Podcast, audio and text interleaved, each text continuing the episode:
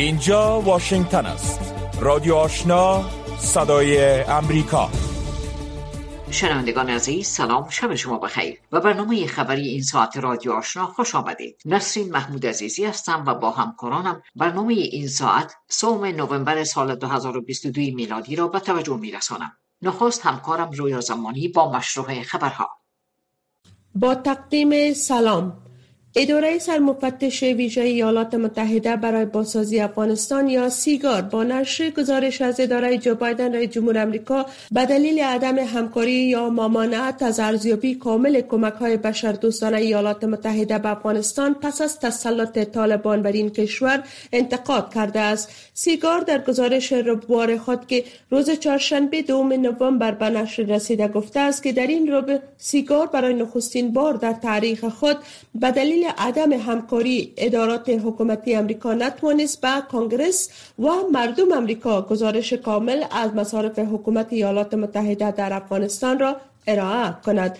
با وجود آن هم سیگار در گزارش خود گفته است که واشنگتن بزرگترین کمک کننده در افغانستان باقی مانده است. اداره جو بایدن در بیش از یک سال گذشته جریان کمک های بشردوستانه را برای مردم افغانستان تسهیل کرده است. حکومت ایالات متحده حدود یک ماه پیش اعلام کرد که 3.5 میلیارد دلار از دارایی های از دارایی های منجمد شده افغانستان در امریکا را به صندوق امانت پولی در سوئیس می سپارد تا برای کمک و بهبود اقتصاد افغانستان به مصرف برسد. به گفته مقام های امریکایی صندوق امانت پولی جدید افغانستان مستقر در شهر ژنو سوئیس مسئول تمام مراودات و فعالیت های مرکزی بانکی چون پرداخت قرضه‌های بین المللی افغانستان تادیات پرداخت برق وارداتی آن کشور و نیز رسیدگی به نیازمندی های آینده چون چاپ پول خواهد بود. صندوق جمعیت سازمان ملل تازگی هشدار داده است که 79 درصد از خانواده ها در زمستان پیشرو در افغانستان در خانه هایشان مواد سوخت ندارند. در اعلامیه این سازمان آمده است در حال حاضر نزدیک به 3.4 میلیون افغان بیجا شده داخلی هستند که بیشترشان سرپناه موقتی دارند. این در حالی است که زمستان با سرعت در راه است. تلاش های آنها برای زنده ماندن با مشکلات زیادی روبرو است. در اعلامیه به نقل از دفتر هماهنگی کمک های بشری سازمان ملل متحد یا اوچا گفته شده است که 79 درصد از افغانها در خانه های زندگی می کنند که به بازسازی نیاز دارد. سفیر قطر در کابل می‌گوید که کشورش می‌خواهد یک دفتر خیریه را برای کمک به افغانهای یتیم زنان بیوه و مردم نیازمند در افغانستان بگشاید. بر اساس گزارش ها مبارک الخیارین سفیر قطر در دیداری دیروزش با امیرخان متقی سرپرست وزارت خارجه حکومت طالبان در کابل گفت که کشورش پس از توافق وزارت خارجه طالبان برای گشایش این دفتر آماده است. سازمان عفو بین الملل در واکنش با آغاز تحقیق از سوی محکمه جزایی بین المللی گفته است که مردم از مدتها در افغانستان در این انتظار بودند که عدالت در کشورشان برقرار شود. جزیات بیشتر را از احد عزیززاده مشنوید یمینی مشرا مسئول بخش جنوب آسیا در سازمان عفو بین المللی به تاریخ 11 عقب گفت که انجام این گونه تحقیقات تا اندازه امیدواری برای مردم ایجاب می کند که قربانی جنایت های به گفته او انجام شده از سوی طالبان و شبکه حقانی بودند. و باور میشه سرانوالان محکمه جزایی بین المللی نیاز دارند تا با استفاده از فرصت در مورد جنایات جنگی انجام شده توسط تمامی جوانب در افغانستان تحقیق کنند. ICC یعنی محکمه جزایی بین المللی که در هاگ مستقر است دوشنبه اعلام کرد که این محکمه برای دفتر لوی سارنوال صلاحیت داده تا تحقیق در مورد جنایت جنگی و جرایم جنگی به ضد بشریت را در افغانستان اثر گیرد. یمینی میشرا مسئول بخش جنوب آسیا در سازمان عفو بین المللی گفته است با آغاز تحقیق نیاز است تا دفتر لوی سارانوالی بر همان راهبرد بازنگری کند که در مورد قربانیان مشخص غور می کند. به تاریخ 27 سپتامبر سال گذشته کریم خان سارانوال محکمه جزایی بین المللی اعلام کرد که این محکمه برای تحقیق در مورد جرایم انجام شده از سوی طالبان و شاخه ولایت خراسان گروه دولت اسلامی معروف به داعش درخواست کرده و به بررسی جرایم ادعا شده که نیروهای امریکایی و نظامیان حکومت پیشین افغانستان را متهم می کند اولویت می دهد. در ادامه خبرها صندوق وجهی ملل متحد برای کودکان یا یونیسف می‌گوید که با حمایت مالی بریتانیا زنان نیازمند و مادران را در نقاط مختلف افغانستان تحت پوشش کمک های نقدی قرار می دهد این صندوق امروز پنجشنبه سوم نوامبر در توییترش نگاشته است که بریتانیا در سال روان میلادی کمک های نقدی را برای 131 هزار زن فراهم ساخته است. گایا یک از مسئولین برنامه کمک نقدی به زنان افغان گفته است که توزیع پول نقد به مادران و زنان همکنون در دایکوندی جریان دارد تا خانواده ها با این پول بتوانند بخش از نیازمندی های زمستانی خشان را فراهم سازند. اداره مهاجرت پناهندگی و شهروندی حکومت کانادا باری دیگر از انتقال صدها پناهجوی افغان از پاکستان به این کشور خبر داده است. این اداره شب گذشته در صفحه تویترش نگاشته است که 335 پناهجوی افغان از پاکستان در یک پرواز ویژه به این کشور منتقل شدند. به گفته مقامات کانادایی افراد یاد شده شامل اعضای خانواده مترجمان افغان و همچنان افرادی بودند که در طول مأموریت کانادایی در افغانستان با آنها همکاری داشتند. در حالی است که مقامات کانادایی گفتند که این کشور قاضی های زن افغان و خانواده هایشان را که از آغاز روند تخلیه از افغانستان و سرنوشت نامعلوم در یونان دچار شده اند نیز میپذیرد. شما شنونده اخبار منطقه و جهان از امواج رادیو آشنا صدای امریکا هستین. ایالات متحده امریکا وقت روز چهارشنبه دوم نوامبر خواستار اخراج ایران از کمیسیون زنان ملل متحد شد. جو بایدن رئیس جمهوری ایالات متحده آمریکا دیروز در جریان یک سخنرانی تلویزیونی گفت که آینده دموکراسی در انتخابات میان دوره‌ای زیر تهدید جمهوری خواهان قرار دارد که خود کاندید هستند اما آماده نیستند نتیجه انتخابات را بپذیرند. در حالی که محافظه کاران به خاطر وضعیت اقتصادی بر حکومت جو بایدن انتقاد می کنند رئیس جمهور امریکا در جریان سخنرانیش جمهوری خواهان را هدف قرار داد. رئیس جمهور امریکا گفت که افرادی وجود دارد که در همه سطوح ادارات در امریکا خود را کاندید کردند افرادی که متحدن نتایج انتخابات را نپذیرند که در آن اشتراک دارند. او اتهام وارد کرد که در حدود 300 کاندید جمهوری خواه رای دهندگان و مقامات انتخابات را مرعوب کردند. جو بایدن گفت که این مسیر هرج و مرج در امریکا بوده اقدام بی سابقه غیر قانونی و غیر امریکایی است. این در حالی است که فقط شش روز دیگر به انتخابات میان دوره‌ای در امریکا باقی مانده است. انتخاباتی که در آن جمهوری خواهان برای کنترل بر مجلس نمایندگان امریکا دست بلند دارند و احتمال دارد اکثریت کرسی های مجلس سنا را به دست بیاورند. حکومت ایتوپیا و رهبران شورشی در منطقه تیگری این کشور روز چهارشنبه از امضای توافقنامه پایان ها پس از دو سال جنگ خشونت بار خبر دادند. توافق آتش بس میان دو طرف و میانجیگری رئیس جمهور پیشین نایجریا صورت گرفت. جنگ میان حکومت ایتوپیا و جبهه آزادی مردم تیگری دو سال پیش آغاز شد. وزیران خارجه گروه هفت یا هفت کشور صنعتی جهان در مورد هماهنگی برای حمایت بیشتر از اوکراین امروز بحث می کنند. نشست جی هفت به میزبانی جرمنی پس از آن برگزار می شود که حملات راکتی اخیر روسیه به زیر انرژی اوکراین به طور وسیع باعث قطع جریان برق شده است. به گزارش رویترز انتظار می رود که بحث ها در این نشست دو روزه با اشتراک انتونیو بلینکن وزیر خارجه ایالات متحده و همتایانش در گروه هفت در شهر مونستر در غرب جرمنی درباره تهاجم روسیه بر اوکراین متمرکز باشد. در کنار آن نقش پرمدعای چین در جهان و اعتراض ها در ایران نیز در صدر آجندا قرار خواهند داشت. یک مقام ارشد وزارت خارجه ایالات متحده گفته است که نشست وزیران گروه هفت در یک زمان مهم برگزار می شود او افزوده است که این گروه در زمینه یک میکانیزم هماهنگ کننده برای روی کرد در خصوص پالیسی در مهمترین موضوعات نقش مهم دارند.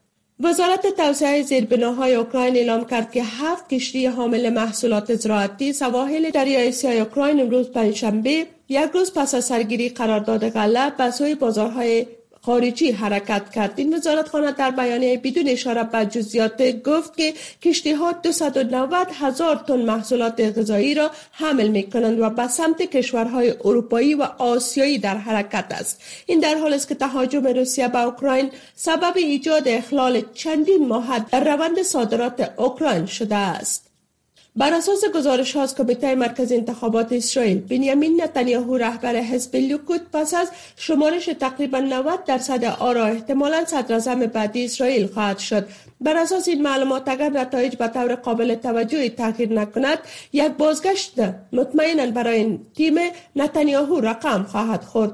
یارت لپت صدر دولت انتقالی اسرائیل روز چهارشنبه به دلیل گزارش نتایج اولیه انتخابات که حاکی از پیروزی جنای رقیب است و نامه های خود را برای شرکت در کنفرانس تغییرات اقلیمی سازمان ملل متحد برای هفته آینده در مصر لغو کرد. وزارت خارجه ایالات متحده آمریکا می‌گوید که انتونیو بلینکن وزیر خارجه این کشور و پارک جین وزیر خارجه کره جنوبی در گفتگوی تلفنی پرتاب راکت های بالستیک از سوی کره شمالی را محکوم کردند بر اساس گزارش خبرگزاری رویترز وزارت خارجه ایالات متحده در بیانیه گفت که یک از این راکت ها به طور بیباکانه و خطرناک در نزدیکی خط ساحلی کره جنوبی فرود آمد. در بیانیه آمده است که آقای بلنکن به وزیر خارجه کره جنوبی گفته است که ایالات متحده همه اقدامات ضروری را روی دست می‌گیرد تا امنیت متحدینش را تضمین کند. و خبر اخیر این که سازمان ملل متحد امروز پنجشنبه گفت که سیلاب های فاجعه بار اخیر در پاکستان نزدیک به 27 هزار مکتب را تخریب یا آسیب رسانده است. و مانع بازگشت بیش از دو میلیون کودک در این کشور به تعلیمشان شده است. یونیسف می‌گوید که بیش از دو ماه پس از آن که سیلاب های ویرانگر مناطق وسیع پاکستان را زیر گرفته است سقف ساختمان های مکتب ها در برخی از ولسوالی های آسیب دیده به تازگی قابل مشاهده است و ممکن است ماهها طول بکشد تا آبهای سیلاب کاملا پاک شود. سیلاب اخیر ناشی از بارانهای فصلی موسومی سیلاسا که توسط تغییرات اقلیمی آغاز شده است 33 میلیون پاکستانی را متاثر ساخته و بیش از 1700 کشته بر جا گذاشته است. بر اساس گفته های مقامات پاکستانی و سازمان ملل متحد آبهای سیلابی 800 هزار خانه را شسته یک اشار دو میلیون حیوان خانگی را از بین برده و 9.4 میلیون هکتار زمین های زراعتی را تخریب کرده است. و در خبر تازه امران خان صدر سابق پاکستان در اثر تیراندازی زخمی شده است. خبرگزاری رویترز به استناد رسانه های محلی گزارش می دهد که بسای کاروان موترهای امران خان امروز در شرق پاکستان تیراندازی شده است. او اعتراض کنندگان را به سوی اسلام آباد رهبری می کرد و خواستار انتخابات قبل از وقت بود. گزارش های رسانه ها می افزاید که امران خان در ناحیه پا زخمی شده و وضعیتش از خطر خارج است. فواد چودری وزیر سابق اطلاعات و یک از دستیاران امران خان کدام تبصره فوری در این مورد نکرده است. آیا تا کنون با خبرهای جهان به ده ها زبان و در زیر یک مجموعه دسترسی داشته اپلیکیشن صدای امریکا این امکان را به شما میسر می سازد نظر به اینکه تلفن یا وسیله هوشمند دست داشته تان اپل یا اندروید است فقط به Apple Store یا Google Play رفته و اپلیکیشن VOA را جستجو کنید. پس از نصب این اپلیکیشن به هزاران مطلب خبری، علمی و آموزشی در قالب متن، ویدیو و صدا دسترسی خواهید داشت. شنوندگان عزیز اخبار افغانستان منطقه و جهان را از رادیو آشنا شنیدید. الان هم توجه نمایید به گزارش های این بخش. بنیامین نتانیاهو با سابقه دارترین صدر اسرائیل یک سال بعد از برکناری به قدرت باز می گردد با شمارش تقریبا همه آرا حزب لیکود نتانیاهو با عنوان تنها حزب بزرگ ظاهر می شود و اکنون می تواند یک ائتلاف حکومتی با احزاب افراطی ارتودکس و جناح راست را تشکیل دهد. دولت جدید می تواند موضع سختتر در قبال فلسطینی ها و در قبال ایران اتخاذ کند. لندا گرادشتین خبرنگار صدا امریکا از بیت المقدس گزارش دارد که عبدالواجد عادل به توجه می رساند بنیامین نتانیاهو و حزب لیکودو به وضوح برندگان بزرگ انتخابات روز سهشنبه چهارمین انتخابات اسرائیل در پنج سال اخیر هستند. رهبر سابق به دنبال تشکیل یک ائتلاف مذهبی دستراستی با احزاب افراطی ارتدوکس و راست افراطی است بنیامین نتانیاهو می‌گوید امروز ما رای اعتماد بزرگی به دست آوردیم. بنیامین نتانیاهو با سابقه ترین صدر اسرائیل یک سال پس از برکناری به قدرت باز می گردد. با شمارش تقریبا همه آرا حزب لیکود نتانیاهو به عنوان تنها حزب بزرگ ظاهر می شود و اکنون می تواند یک ائتلاف حکومتی با احزاب افراطی ارتودکس و جناح راست تشکیل دهد دولت جدید می تواند موضع سختتر در قبال فلسطینی ها و در قبال ایران اتخاذ کند برنده بزرگ دیگر ایتامار بنگویر راستگرای افراطی است که حزب صهیونیسم مذهبی او اکنون سومین حزب بزرگ اسرائیل است. او قبلا گفته است که می‌خواهد وزیر امنیت داخلی اسرائیل شود و مسئول مسائل حساس مانند روابط بین یهودیان و مسلمانان در اماکن مقدس بیت المقدس باشد. ایتامار بنگویر از حزب صهیونیسم مذهبی می‌گوید. همه خواهان تغییر واقعی هستند. می‌خوان با خیال راحت در خیابانها راه بروند و می‌خوان دست سربازان و پلیس های ما بسته نشود.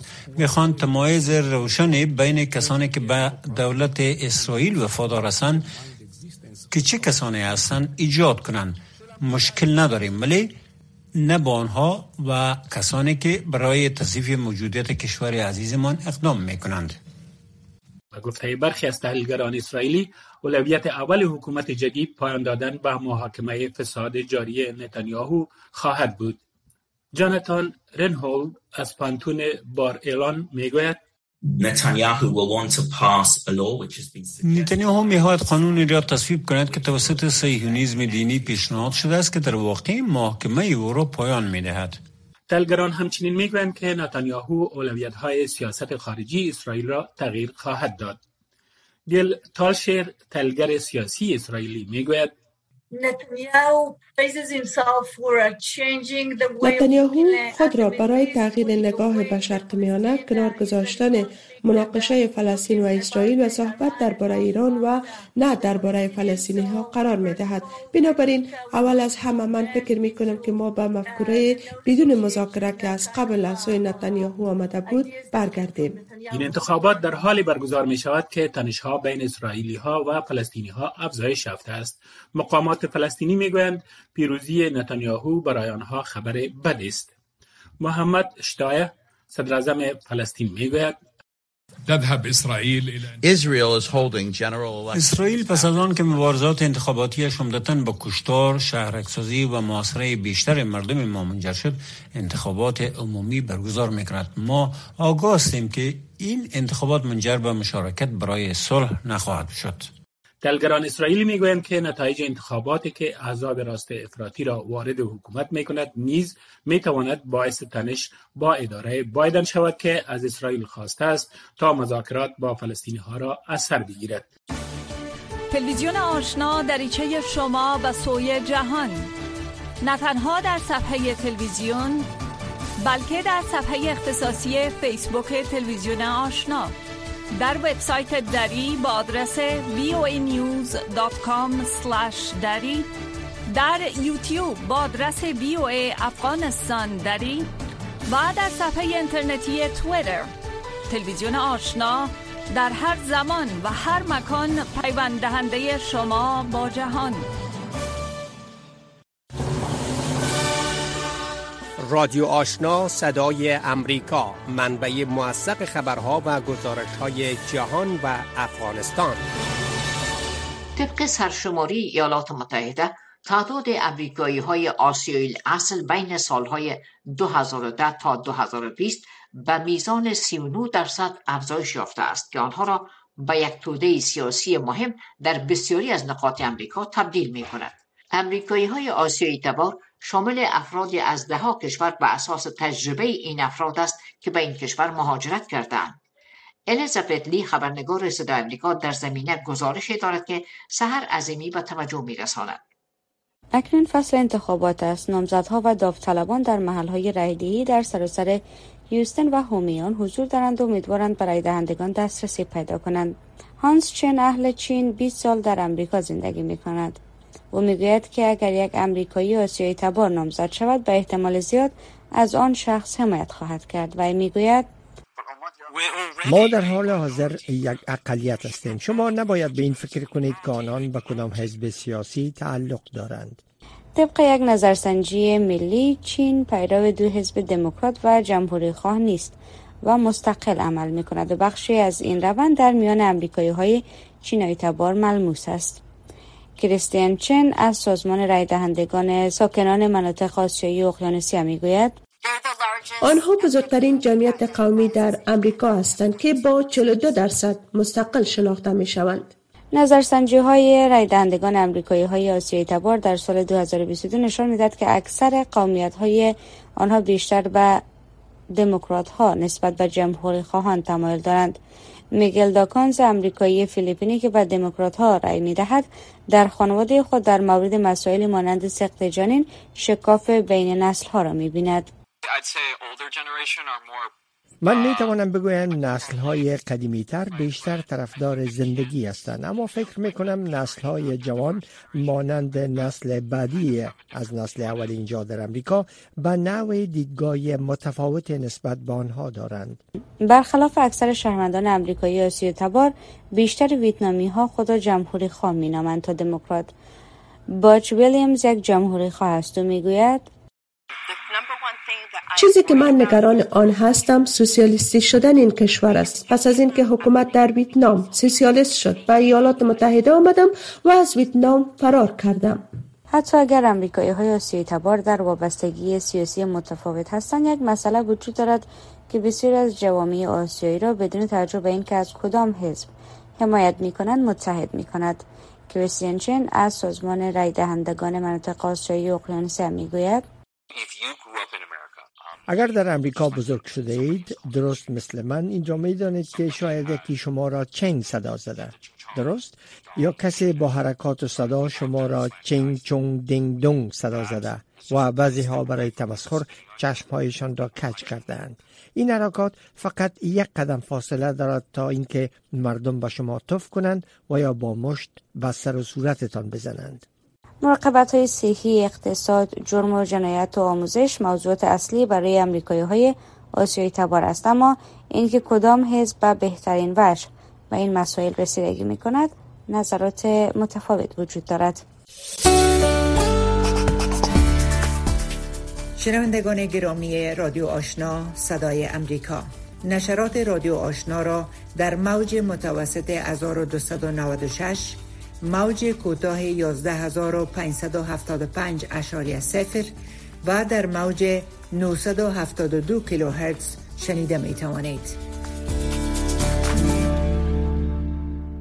سیگر یا اداره سرمفتش ویژه ایالات متحده برای بازسازی افغانستان طی گزارشی از اداره جو بایدن رئیس جمهور امریکا به دلیل عدم همکاری یا ممانعت از ارزیابی کامل کمک های بشر دوستانه ایالات متحده به افغانستان در بعد از تسلط طالبان بر آن کشور انتقاد کرده است. در این گزارش گفته شده که سیگر برای اولین بار در تاریخ خود نتوانسته که به کانگرس و مردم امریکا گزارش کامل از مصارف حکومت ایالات متحده در افغانستان را ارائه کند. در این رابطه آقای آذررخش حافظی عضو هیئت رهبری اتاق تجارت و سرمایه گذاری افغانستان در پاسخ به پرسش صدای امریکا روی عوامل عدم حسابدهی حرفهایی دارد که با هم میشنویم. یک مسائل درونی خود ایالات متحده امریکا است که ادارات مختلف از اینا با خود در گذشتن در داخل افغانستان یک سلسله تفاوت های نظر داشتند. یک بخشی از این کمک های جمعی استخباراتی می داشته باشند که او را حکومت امریکا و دیگه حکومت ها کوشش می‌کنند که نگذارد که رسانه ای شود یا شامل راپورا و گزارش ها شود چون دو اهداف پنهانی وجود دارد که نباید افشا شود بخش دیگهش مربوط به ای است که این کمک ها مستقیما به دولت افغانستان صورت نمی‌گیره. یک مکانیزم پیچیده داره که از طریق ملل متحد و از طریق بعضی بانک های خصوصی از جمله ای ای بی تا والی پیسا داده شده. این که چه قسمی دادن و تا حال خود از عامل توضیح ندادن در این مورد که از یک طرف میگن که ما حکومت به رسمیت نمی‌شناسیم از طرف دیگه به صورت غیر مستقیم برای بقا و دوام کارشان کمک مالی می‌کنن و از دید وزارت خزانداری امریکا که مسیح اقتصادی مالی است همه چیز باید حساب داده شود. همه چیز باید به اصطلاح عادت شود یا بازنگری شود یا کنترل شود که پولا مالیات هندای امریکا در کجا مصرف شده آیا معقول بوده درست بوده به نفع مردم افغانستان بوده یا از این سوء استفاده صورت گرفته؟ ولی در این مورد حکومت ایالات متحده امریکا با دلایلی که افشا نکردن و نگفتن. طوری که سیگار ادعا کردن مانع کار سیگار در مورد بررسی این کمک شدن به نظر شما آیا پول زیاد در اختیار طالبا قرار گرفته به این خاطر گزارشدهی صورت نمی‌گیره. یا که گزارشدهی از کابل امکان پذیر نیست. گزارشدهی خب به صورت ممکن است به خاطر از اینکه ایالات متحده امریکا به عنوان یک که از اقطاب عمده رهبری جهان که در افغانستان 20 سال حضور داشته و قبل از آن حضور داشته و فیزیکی داشته در روسات تاسیسات دارن نهادها دارن شبکه دارن اشخاص افرادی داره که هنوز هم در ایالات امریکا کار می‌کنن. مؤسسات و اینجوا کلشان به نحو ها و پولا تبدیل میشن. و تعلق خاطر دارن به ایالات امریکا تهیه گزارش ناممکن نیست. ولی شاید ضروری رو تلقی می‌کنن و به مود دلایل بحث خدمت شما ممکن از لحاظ حقوق بین الدول و از لحاظ بعض مسائل دیگی بر حیثیت پرستیژ ایالات متحده امریکا او را مفید نمیدارن که اجازه نمیده که پولا از طرف سیگار بلدی شود و اصلاح کنگره و اصلاح مردم امریکا را رسانده و یک سوال آخر که سیگر از فساد اداری گسترده در حکومت قبلی در افغانستان شدیدا انتقاد داشت. در حال حاضر تحت حاکمیت طالبا موضوع شما چگونه می‌بینید؟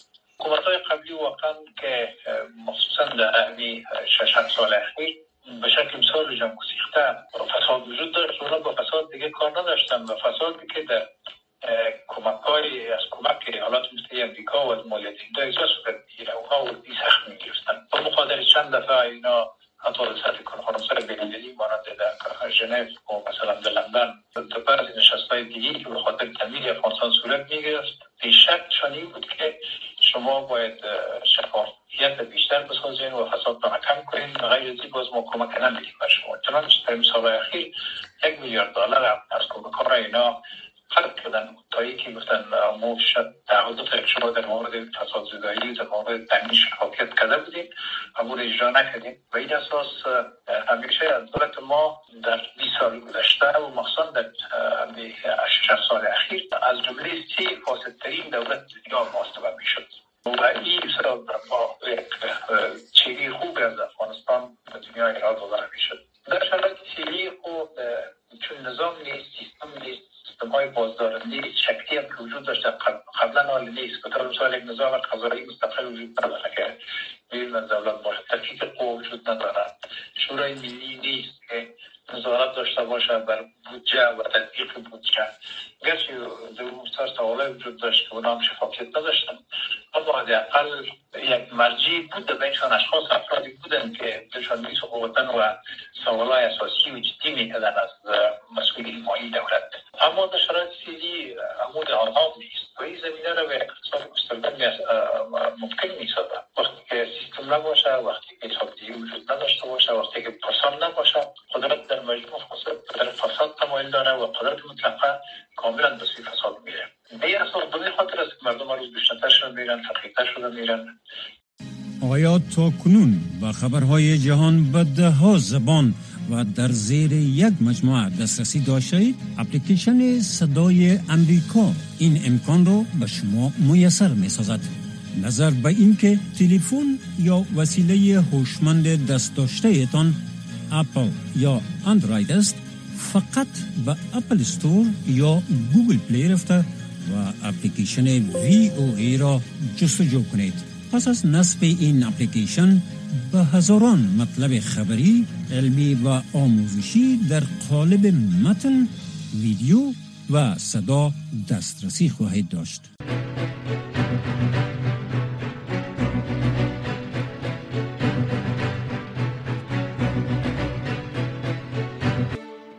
شنوندگان عزیز این بود داشته های این برنامه خبری که در همین جا به پایان رسید. اما نشرات دری و پشتوی رادیو آشنا همچنان ادامه دارد. با ما باشید.